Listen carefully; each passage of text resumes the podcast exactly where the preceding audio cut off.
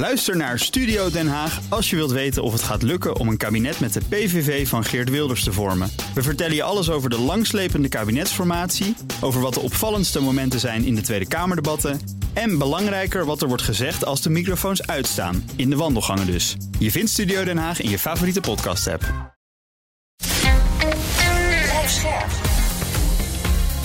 BNR Nieuwsradio. De AEX-factor. Wesley Weerts. Precies, de AEX-factor, de podcast voor de slimme belegger. Elke week een nieuwe gast die je bijpraat over beurzen, beleggen en vermogen opbouwen. En om jou weer een klein beetje slimmer te maken, is deze week de gast Bob Homan, hoofd van ING Investment Office. Bob, goed dat je er bent. Welkom. Dankjewel. Ja, je hoorde het in onze vorige aflevering, de oudejaarsspecial. Want de torenhoge inflatie en de stijgende rente... die veroorzaakten afgelopen jaar een spoor aan vernielingen op de financiële markten. Zo'n beetje alles wat je kunt bedenken ging onderuit. Aandelen, crypto, vastgoed, nou, noem maar op. Tot zover bekende informatie en ook tot zover het slechte nieuws. Want er breken gouden tijden aan voor beleggers. Letterlijk, want goud staat namelijk op het hoogste punt in zes maanden tijd. En volgens experts stopt het daar niet. Nee, het gaat records breken. Nou, en daar draait deze uitzending om. Nou, Bob, laten we even beginnen met de prijsstijging die we nu al zien. Want waarom stijgt die goudprijs? Nou ja, ik denk dat de belangrijkste oorzaak is, is het dalen van de dollar. Hè. Ehm, de goudprijs wordt in dollars uh, afgerekend. Iemand in euro's kan het nu nog net zo goedkoop kopen als in oktober, hè, toen de prijsstijging uh, begon. Mm -hmm. Want hè, de dollar is denk ik een procent of acht um, zwakker geworden. En de goudprijs is 8% gestegen. Ja, dat, dat is volgens mij de compensatie. Het is eigenlijk minder duur geworden voor buitenlandse kopers om dat goud uh, aan te kopen. Ja, klopt helemaal. En, en in hoeverre speelt ook nog, hè, want er wordt ook gespeculeerd in de markt dat de Amerikaanse centrale bank die renteverhogingen gaat temperen. In hoeverre geeft dat nog een boost aan die goudprijs? Nee, je zou zeggen van ietsje, hè? want um, uh, normaal heeft goud last van een, een hogere rente, want goud geeft geen dividend, geen rente. Dus als er een echte rente komt, wordt dat weer een extra concurrent voor, uh, voor goud. Dus dat zou ook een van de, de drijvers kunnen zijn achter deze stijging. Ik denk dat sowieso een drijver achter deze stijging is. Omdat door die getemperde renteverwachtingen ook die dollar wat zwakker is, uh, mm -hmm. is geworden. Ja. Dus ja, rente speelt, speelt bij de prijsvorming van goud wel degelijk een rol. Ja, wat normaal gesproken, hoge rente pakt niet goed uit voor de goudprijs. Want dan worden andere beleggingen aantrekkelijker. Klopt. Terwijl ja, het is ook een beetje dubbel hoor. Want van de andere kant is er ook. Hè, goud wordt ook gezien als een inflatie. Precies, ja.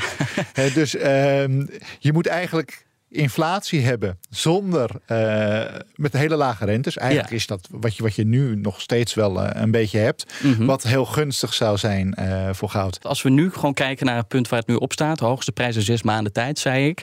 Dan hebben we het over 1850 dollar per troy ounce. En dat is zo'n 31 gram. 31 is dat, gram is dat, ja, ja, klopt. We hebben een zeg maar rit meegemaakt. Want in de coronacrisis brak goud ook records. Toen stond het even boven die 2000 dollar. Maar daarna, hoe is dat verloop verder gegaan na die uh, coronacrisis? Je zag het ook hè, begin dit jaar weer wat, wat terugvallen. Vreemd ja. genoeg, hè, ondanks alle onrust in de wereld. Wat ook een beetje zou moeten helpen Ja, en de goud. inflatie. Ja, en nu op basis, dat is voornamelijk in mijn ogen die, die wat zwakkere dollar, loopt het ietsje op. Nou, de prijs loopt inderdaad op. Het edelmetaal zit weer in de lift. Nou, of goud zijn glans weer terugkrijgt en of we die beloofde records inderdaad gaan breken dit jaar, dat hoor je straks. Maar we beginnen met het beursnieuws dat je deze week niet had mogen missen. En we trappen af met een sombere boodschap van het IMF. Want 2023 wordt economisch een zwaarder jaar dan 2022. This is what we see in 2023. For most of the world economy, this is going to be a tough year. Tougher than the year we leave behind. Why? Because the three big economies, US, EU, China, are all slowing down simultaneously. En over 2022 gesproken, de CAO-lonen die stegen in 14 jaar tijd niet zo hard als vorig jaar. En toch, je kunt het bijna raden, was die stijging lang niet genoeg om de inflatie te compenseren. Als je corrigeert voor inflatie, dan, dan blijft er qua koopkracht uh, niks meer over. Dan uh, gaan we echt, uh, in ieder geval de werknemers die onder een CAO-loonregeling vallen, dat is zo'n 80% van de werknemers, die gaan er echt fors op achteruit. En de inflatie is in december trouwens nauwelijks gedaald. 9,6%. We zitten nog steeds in torenhoge inflatie. Energie is nog wel een, een, stuk duurder dan een jaar geleden. Voedingsmiddelen, alcohol en tabak en diensten, die zijn allemaal harder gestegen in prijs in december. En dan de zoveelste ontslagronde bij een techbedrijf. Dit keer schrapt Amazon meer dan 18.000 banen. Right now, what we've seen is it's a tech problem. It's unique to tech, right? We saw them overhire during the pandemic. There was this exuberance around technology that we're going to be stuck in our homes forever, buying new laptops and computers and phones every year forever. Obviously, didn't happen, and now we're seeing the pullback here. Er was ook goed nieuws. Het einde van de chipcrisis is in zicht. Maar ondertussen drukt China op de pauzeknop. Het land stopt, in ieder geval tijdelijk, met zijn investeringen in de chipsector. De chipsector was een van de speerpunten natuurlijk ook van, van China. Ze zijn behoorlijk afhankelijk van bijvoorbeeld ASML, maar ook Amerika. En dus hebben ze gezegd in 2015: we willen gewoon binnen 10 jaar dat 70% van alle chips die wij gebruiken in China geproduceerd zijn. Dus ze hebben sindsdien massaal geïnvesteerd in die chipsector. Alleen de resultaten ervan vielen best wel tegen. Tja, wat ook tegenvalt zijn de resultaten van Tesla. Het aandeel gaat daarom voor de zoveelste keren hard onderuit. 14% ging eraf, de scherpste daling sinds 2020. En dit keer waren tegenvallende cijfers over de levering van auto's de boosdoener. Ja, toch kwamen ze met een recordaantal eh, leveringen, hadden ze. Toch viel het niet heel lekker bij beleggers. Ho hoezo, Bob? Ja, is toch altijd zo. Ook al zijn je cijfers nog heel goed, als het achterblijft bij de verwachtingen, ja, dan ehm, gaat, de, gaat de koers omlaag over het algemeen. En natuurlijk bij Tesla spelen nog een hele hoop andere dingen. En met name rondom uh, de topman uh, Elon Musk. Ja. die zijn aandacht nu vooral bij, bij Twitter heeft. Ja, die maakt er een hele soap van. Die, ja, die maakt er echt een goede soap van. Want er hangt nog boven de markt volgens mij nog een bonus van 56 miljard. Mm -hmm. Zou die even goed um, kunnen krijgen. Nou ja, dat gaat dan ook weer van de winst van Tesla af. Maar als hij die niet krijgt, dan moet hij misschien weer aandelen verkopen om de overname van Twitter verder te financieren. Er zijn nu ook echt wel klachten van wat grotere andere aandeelhouders. Die zeggen van ja, die structuur van het bedrijf. Hè, er moet ook een COO, een operational directeur komen. Mm -hmm. Want die is er op dit moment uh, gewoon niet. Uh, ja, en dus het topmanrisico is, is wel heel groot bij ja, dit en, en bedrijf. Het is ook al de derde keer op rij dat Tesla de verwachtingen niet kan inlossen. Maak jij je ook zorgen over ja, die tegenvallende vraag naar Tesla's?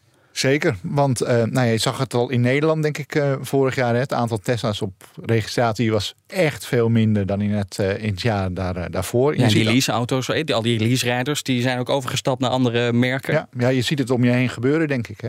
En in China het, hetzelfde verhaal. Er komen heel veel concurrenten die nou, auto's maken die nou, misschien ietsje minder zijn, maar bijna net zo goed voor lagere prijzen. En je zag bijvoorbeeld Build Your Dreams en... Hoe heet dat, de nieuwe merk, NIO. NIO. Um, die zag je wel, um, ook in China met um, meevallende cijfers juist. Hè. Dus die hebben Ja. weer meer geleverd dan, uh, dan gedacht. Dus het kan, zou best zo kunnen zijn. Hè, bij Tesla was het altijd, ze konden de vraag niet bijbenen, want ze hadden te weinig fabrieken. nou hebben ze die fabrieken redelijk op orde. En nu zou het best wel eens kunnen zijn Um, dat ze de vraag te klein is voor hun auto's. Ja, en dat kost je dan gelijk marge hè, als je je fabrieken niet, uh, niet optimaal bent. Ook omdat je de prijs moet verlagen. Want ze hebben al een aantal keer, in China ook die prijzen verlaagd. Korting ja. op korting op korting. Maar gaat dat ze helpen? Gaat dat de tij keren, denk je? Want China is wel een belangrijke afzetmarkt voor Tesla. Ja, ja ik denk auto's en prijs is wel echt belangrijk. Dus het gaat wellicht wel helpen. Maar dat zijn wel, denk ik korte termijn uh, oplossingen. Hè, waarmee je even van je voorraad af kan. Maar het structurele probleem, hè, dat de concurrentie je echt heel erg op de hielen zit. Um, dat keert het niet. Nee, maar kun je daar als Tesla iets aan veranderen? Nee, ik denk heel moeilijk. Um, ik denk dat je moet accepteren dat je een. Eh, je was echt een uitdager die uh, alleen maar kon, uh, kon winnen. Ja, nu doe je gewoon mee in het, in het spel. En moet je denk ik verder verbeteren, innoveren. Hè? Dat zie je bij andere merken ook. Hè? die vervangen ook na, wat is het, een jaar of acht hun model wel. Ja, dat, dat zullen zij ook moeten, moeten doen. Ja. En dan betaal je nu nog wel, wat is het, 25 keer winst. De winst voor Tesla, dat is in hun eigen historie natuurlijk spotgoedkoop. Hè? Ja, maar vergeleken met andere autofabrikanten. Ja. ja. ik zag toevallig vandaag uh, Stellantis. Die zit geloof ik op drie keer uh, de winst. Ja. Je ziet ze wel heel hard uh, opkomen met, met ook elektrische auto's. Maar nou heb je dus het probleem van ja, gewoon die toenemende concurrentie. Ook van he, de gevestigde autofabrikanten die ook steeds meer meedoen. En steeds meer van die taart afsnoepen. Tegelijkertijd, en daar begon je je verhaal net mee. Heb je ook nog een topman die er een zootje van maakt. Er een hele soap van maakt. Als het, als het gaat over de rol van Musk. en het geloof, het vertrouwen in hem. Heb jij überhaupt nog vertrouwen in uh, Musk als topman? Hij wordt natuurlijk altijd wel gezien als visionair. Uh, maar dat is iets anders dan een goede CEO. Klopt, ja. En ik, ja, volgens mij zie je dat ook echt kraken aan alle kanten. Dat ook mensen die echt uh, volgen waren hè, en, en, helemaal wild van die man, zie je wel uh, wat scheurtjes ontstaan. Ja, ik heb sowieso altijd al van mensen die een paar keer heel succesvol zijn geweest. Verwacht nou niet dat ze alles kunnen. Hè. Dat, dat, dat is um, vaak een wat verkeerde gedachte. En zeker als zo'n man er zelf in gaat geloven, wat hij toch wel een beetje heeft. Ja. ja, dan kan het ook wel eens misgaan. Ik denk dat Tesla wel echt goede technologie ook heeft. Hè. Zeker in batterijen en, en zelfrijden. Ja. Um, maar het heeft wel een betere governance nodig. En de prijs van Tesla werd echt gedreven door de topman Musk. Ja. Het zou mij nu niet verbazen als hij zou aftreden, we hebben ook niet verwacht overigens, dat de belegger dat juist waardeert. Als daar een, een sterk gewoon een managementteam met oog um, een wat bestendigere toekomst uh, voor terugkomt. We hebben het al een paar keer over die prijs van Tesla gehad. Nou, die, die is flink gekelderd eh, ten opzichte van het hoogtepunt. Maakt dat het, ondanks al die problemen, nou een interessant aandeel? Of zeg je, ja, er zijn zoveel problemen, ik, ik laat het aandeel liever liggen? Nou, op dit moment zou ik zeggen, ik laat het liever liggen. Ik denk, er, er komt nog misschien wel meer slecht nieuws uh, uit. En, en die, die soap rond Twitter is ook nog niet helemaal uh, over. Nee. Maar ergens gedurende uh, het jaar, als het nu nog lager gaat, hè, dan denk ik wel dat je echt duidelijk meer mag betalen dan voor Volkswagen, BMW, noem het, uh, noem het op. Omdat ze toch nog een streepje voor hebben? Ja, om, Die, om die technologie en omdat zij nog wel groeien, hè, terwijl de totale automarkt nou echt nauwelijks meer, uh, meer groeit. Nee. Um, maar 25 keer is dan nog, denk ik, net ietsje te veel. Maar dan hoop je eigenlijk dat Musk misschien nog meer Tesla-aandelen verkoopt, waardoor die koers nog verder omlaag gaat. Ja, weet je, een bedrijf kan best goed zijn, uh, maar je moet ook op een, op een hele redelijke prijs kopen. Duidelijk, wellicht een opsteker voor Elon Musk, want de chiptekorten, je hoort het net in het weekoverzicht, die zijn bijna voorbij.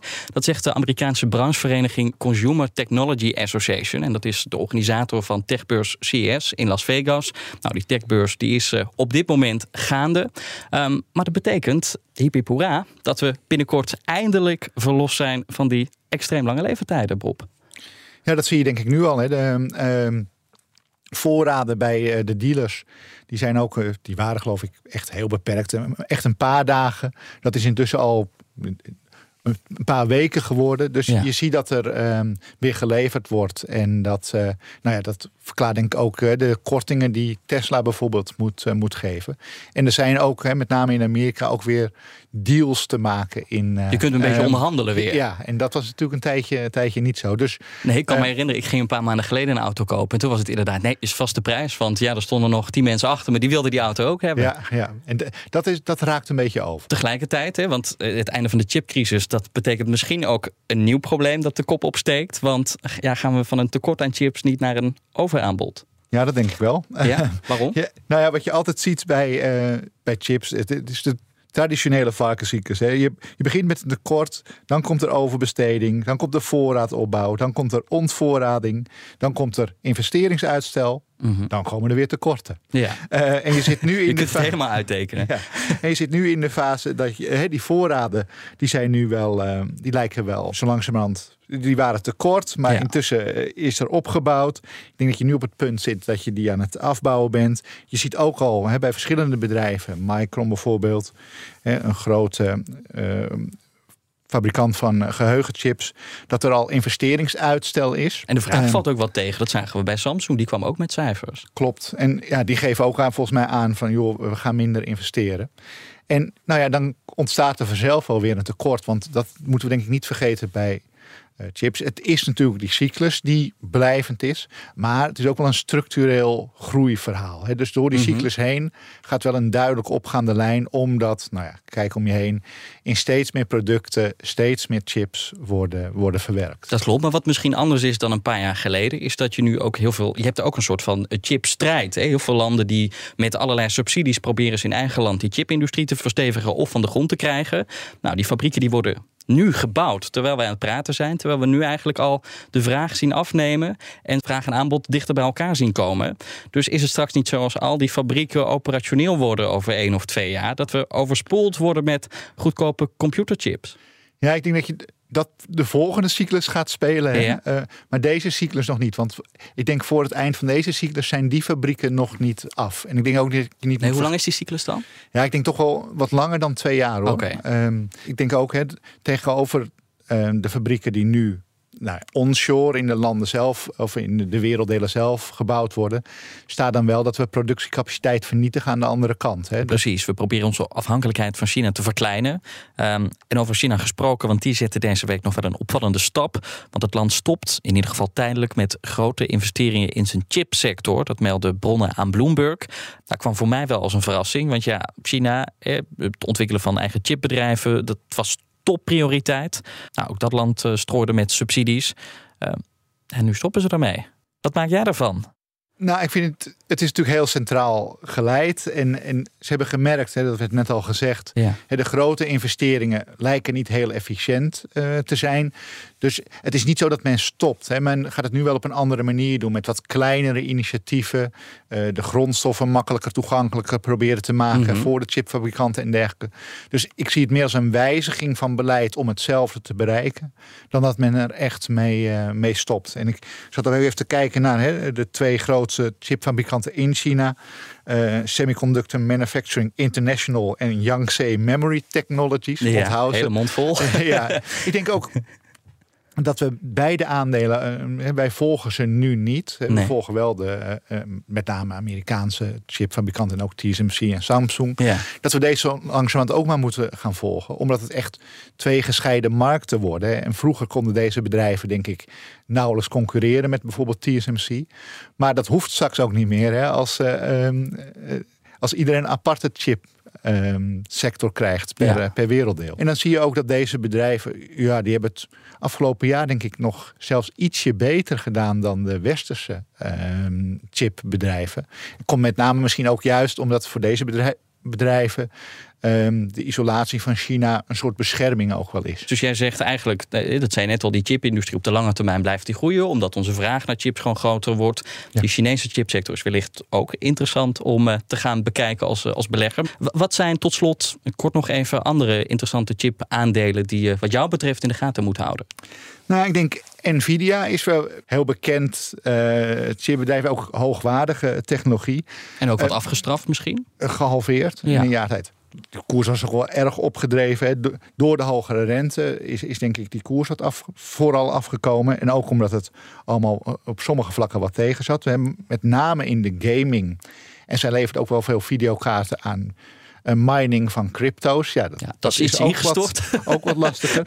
Maar die gamingmarkt, op lange termijn is dat wel een groeier. Dus ja, dat vind ik wel een hele interessante. Maar we beleggen verder ook nog in eh, TSMC, Texas Instruments, ASML. Eh, hè, dus ik zeg eh, bij TSMC, ASML en ook Samsung vind ik best interessant. Maar daar zie je wel hè, ehm, dat nu eh begin de winst, Samsung was het, het voorbeeld, hè, echt hard af te nemen. Ja. En vaak duurt dat best wel nou een jaar. Hè, dus wel vier, vijf kwartalen van la- duidelijk lagere winsten voor het weer aantrekt. En dan? I love gold. The look of it, the taste of it, the smell of it, the texture. Ja, Bob, we horen zo meteen of jij ook zo'n grote goudfan bent. Ehm, daar komen we zo wel achter. Eh, die goudprijs, die stijgt, dat zeiden we net al. Wie zijn die kopers van al dat goud? Nou ja, centrale banken hebben dit jaar heel veel eh, gekocht. Hè. ja, waarom Ehm, azen die zo op eh, die goudstaven? Nou ja, het zijn toch vooral de centrale banken van China, eh, Rusland. Eh, Rusland omdat ze een eigen mijnbouwindustrie hebben. Waar, en ze kunnen nu hun goud nergens anders kwijt. Dus ze kopen het eh, zelf. Ja. Maar ik denk ook vooral omdat wat je ziet met ehm, de Rusland-Oekraïne-oorlog... is dat het tegoeden van Rusland overal in de wereld bevroren worden. En dat da- het dan wel lekker is om goud te hebben. En daarom zie je landen als China, maar ik zag ook Turkije, Oezbekistan, India, Qatar goud kopen. Van joh, als wij ooit in een verkeerd daglicht staan bij, nou ja, met name Amerika, Mhm. hebben we evengoed nog toegang tot een soort devise, eh, hè, in dit geval goud. Maar is het dan ook een teken dat het wantrouwen wereldwijd groeit? Ja, ik denk het wel. En wat je ook ziet, ehm, normaal wordt eh, goud opgeslagen Fort Knox is dat geloof ik, hè? in Amerika Mhm. of in Ja. Londen heb je ook zo'n plek. Ja, ook En- normaal om voor risicospreiding hè, op verschillende plekken in de wereld. Ja, en nu zie je dat bijna al die landen die dit goud kopen, het ook in hun eigen land opslaan. Dus nee, absoluut een, ehm, ehm, een kwestie van wat meer wantrouwen in de wereld. En is het ook een signaal waar je iets als belegger mee moet of kunt doen? Nou, ik vind voor een belegger goud toch altijd wel, wel heel moeilijk hoor. Want soms denk je van, nou, nu is bijvoorbeeld begin van dit jaar, eh, de, de omstandigheden voor goud lijken dan echt heel interessant. Hè? Eh, heel veel onrust in de wereld, er start een oorlog, Ja. inflatie loopt gigantisch op. Rente was toen nog nul, zeg maar.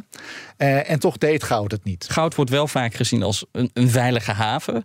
Eh, maar als ik dat zo hoor, dan is het dat misschien helemaal niet echt. Nee, het- is een, denk voor veel beleggers een, een alternatief. Ik denk ook hè, waarom die goudprijs het afgelopen jaar best wel redelijk eh, gedaan heeft.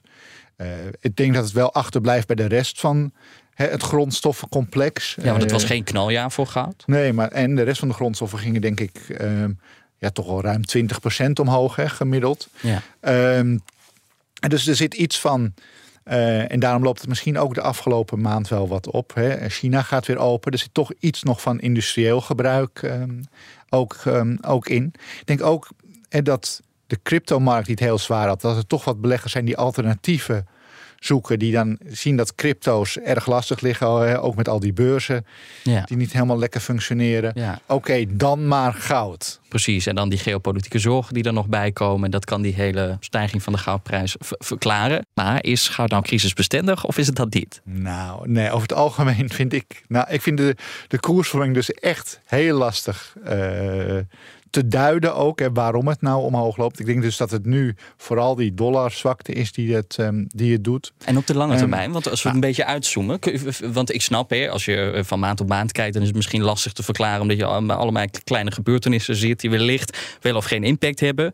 Maar als we wat uitzoomen op de, op de lange termijn. Ja, dan zie je eigenlijk dat het de inflatie misschien net aan bijhoudt of net niet. Ja. Dus ehm, het is wat mij betreft dan ook een, een beleggingscategorie die op lange termijn nauwelijks interessant is.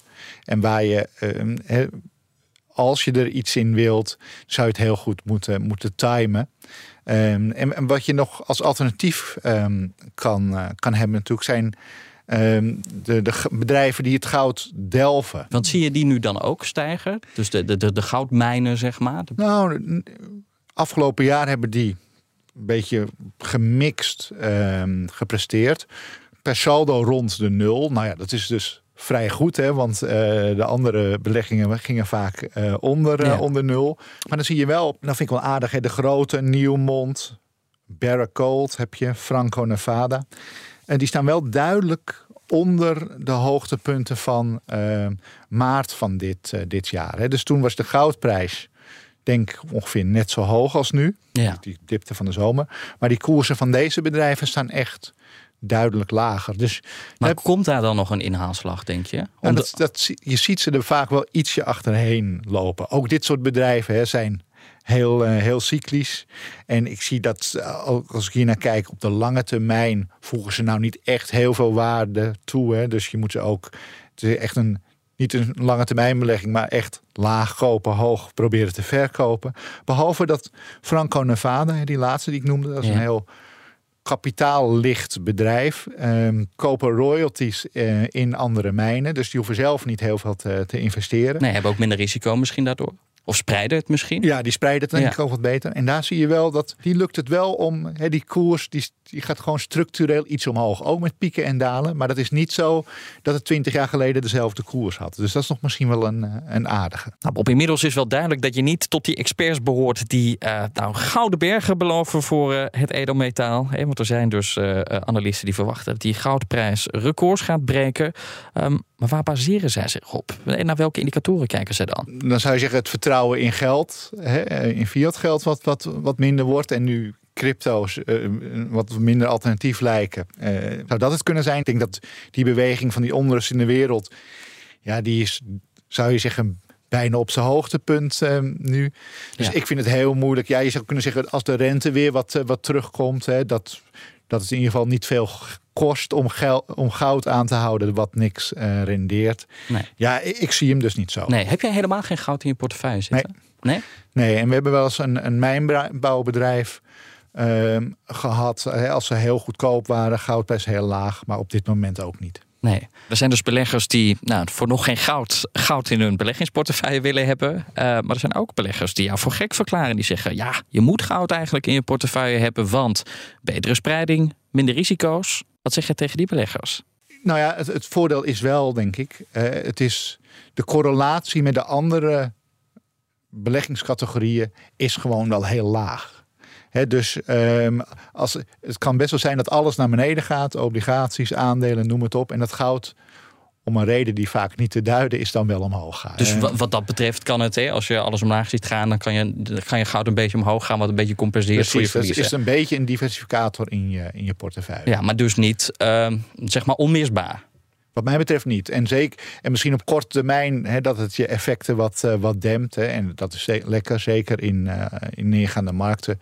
Maar op lange termijn voegt het volgens mij niks toe. Sterker nog, kost het alleen maar rendement. Ja, nou, je hebt waarschijnlijk de luisteraars niet echt warm laten lopen voor goud. Maar stel je Nee, denkt, nou, die Bob, eh, die heeft het niet bij het rechte eind. Ik geloof wel in goud. Wat zijn je manieren om in goud te beleggen? We hebben dus eh, eigenlijk die mijnbouwbedrijven Ja. gehad. Daar kun je gewoon een aandeeltje van kopen. Klopt. Ja, je kunt naar de juwelier gaan. Ja, je kan- verder. Nou, je kan fysiek goud kopen ook Ja. nog. Hè. Er zijn een paar aanbieders eh, van. Je kunt denk ik in ETF's beleggen. Hè. Dus indexachtige fondsen die gewoon de goudprijs volgen. Ja. Eh, dat lijkt me de makkelijkste manier. Ja, nou, Maar goed, als je helemaal geen vertrouwen hebt in het financiële systeem, dan moet je naar Dan moet je fysiek ga- goud toe. Ja, dan moet je hele huis volleggen. Nou, goud is dus niet iets wat, waar jij in gelooft voor aankomend jaar. Wat moet je wel in je portefeuille hebben wat jou betreft in 2023? Een Nou, tip aan de luisteraar. Ik vind alle beleggingscategorieën een stuk interessanter dan, eh, dan vorig jaar. Hè? Omdat nou, er is weer een, een rente. En rente is de basis van alle andere categorieën. En dan zie je ook dat aandelen zich aangepast hebben aan die hogere rente. Dus dat de verwachting, eh, de verwachte opbrengsten uit aandelen weer hoger liggen dan een jaar geleden. Nou, dat is natuurlijk ook een compensatie voor die gestegen risicovrije rentevoet. En dan binnen aan. Dus ik vind aandelen ook nog best wel aantrekkelijk. Eh, ik zou wel een beetje, of je nu alles in één keer moet investeren, denk het niet. Hè, want we krijgen denk ik ook nog wel een keer wat stevige angst voor recessie op de Mhm. beurs af en toe. We vinden nog steeds de financiële sector wel, eh, wel interessant. Ja, banken. Banken, ja, omdat Ja. die toch echt wel eh, baat hebben bij de wat hogere rentes. De, bijvoorbeeld in, in BNP Paribas, Nordea, eh, Morgan Stanley in, eh, in Amerika. Ook nog in, eh, in UBS, of een verzekeraar misschien, Allianz. Eh, Ik hoor ook wel eens van analisten die hier staan dat het eh, black boxes zijn. Je weet eigenlijk niet zo goed wat je, wat je koopt. Hè. Dan komt er weer een schandaal eh, uit de hoge hoed, wordt er getoverd. Dus ja, super risicovol. Nou, ik vind het absoluut geen, geen black box. hè. Je weet, eh, je koopt een, eh, een rentebedrijf en je koopt een hè, kredieten. Dus je moet, als je heel negatief bent op de economie, waarbij veel faillissementen, eh, waarvan je veel faillissementen verwacht, Mhm. ja, dan moet je denk ik wegblijven. Want dan gaat het, dan moeten ze afschrijven. Ja, die stroppenpot wordt dan heel groot. Precies. Maar over het algemeen zie je dat hè, die stroppenpot, die zijn de afgelopen jaren best wel goed, eh, goed gevuld.